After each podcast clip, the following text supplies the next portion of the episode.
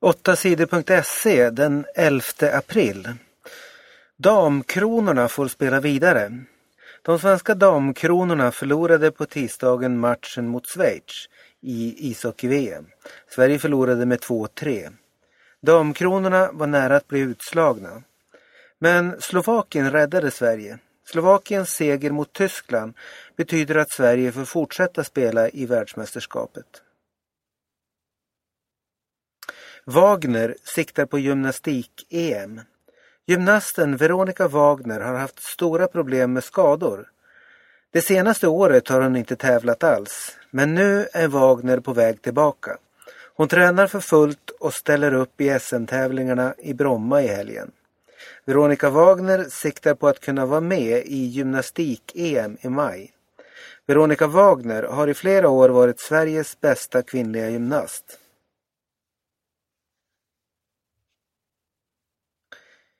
Idrott varje dag gör att barnen får bättre betyg.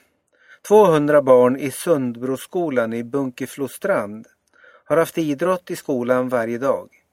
Forskarna har jämfört barnens betyg med barn som eh, bara haft idrott två gånger i veckan. Barnen som hade idrott i skolan varje dag fick bättre betyg. Man blir lugnare på lektionerna, säger eleven Rasmus Andersson till Sveriges Radio. Strejk i mataffärer på fredag. På fredag kan det bli strejk i en del mataffärer. Det är facket Handels som kräver högre löner för sina medlemmar. Handels vill att lönerna ska höjas med 4,5 procent. Det går företagen inte med på.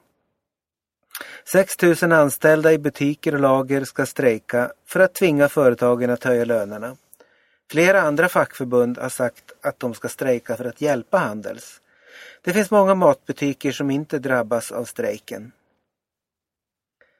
Saab har 13 miljarder i skulder. Bilföretaget Saab lyckades aldrig reda ut sina ekonomiska problem. Företaget gick i konkurs.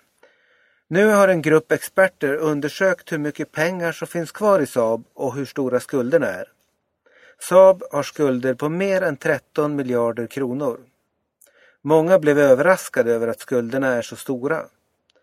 Det finns några företag som är intresserade av att köpa det som finns kvar av Saab. Kinesiska Youngman och Mahindra från Indien är två av dem. Nu är det dags för dem att säga vad de vill betala för Saab.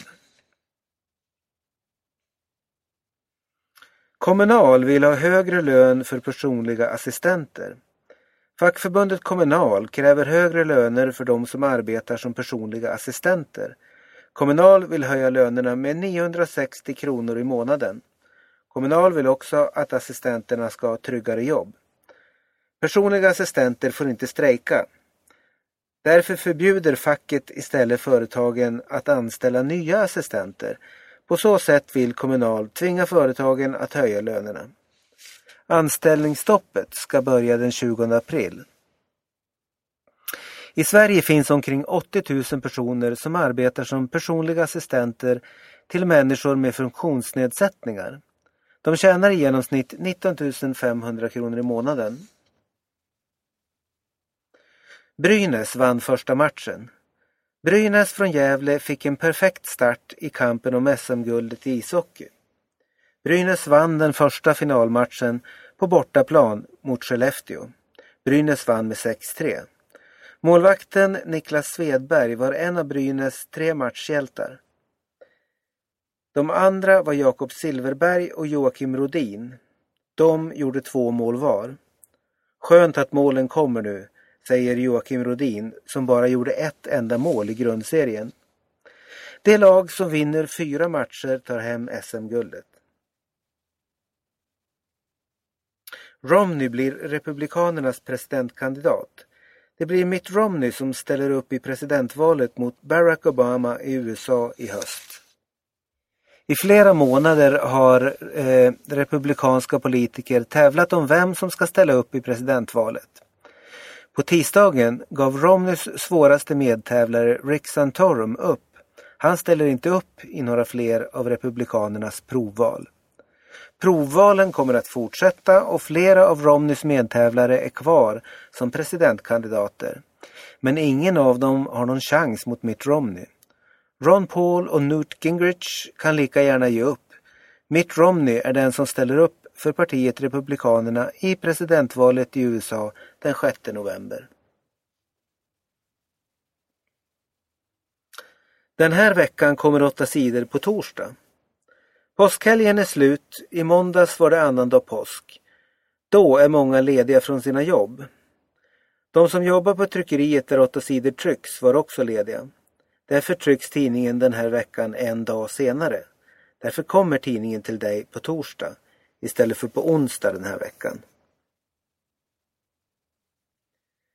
Striderna i Syrien fortsätter.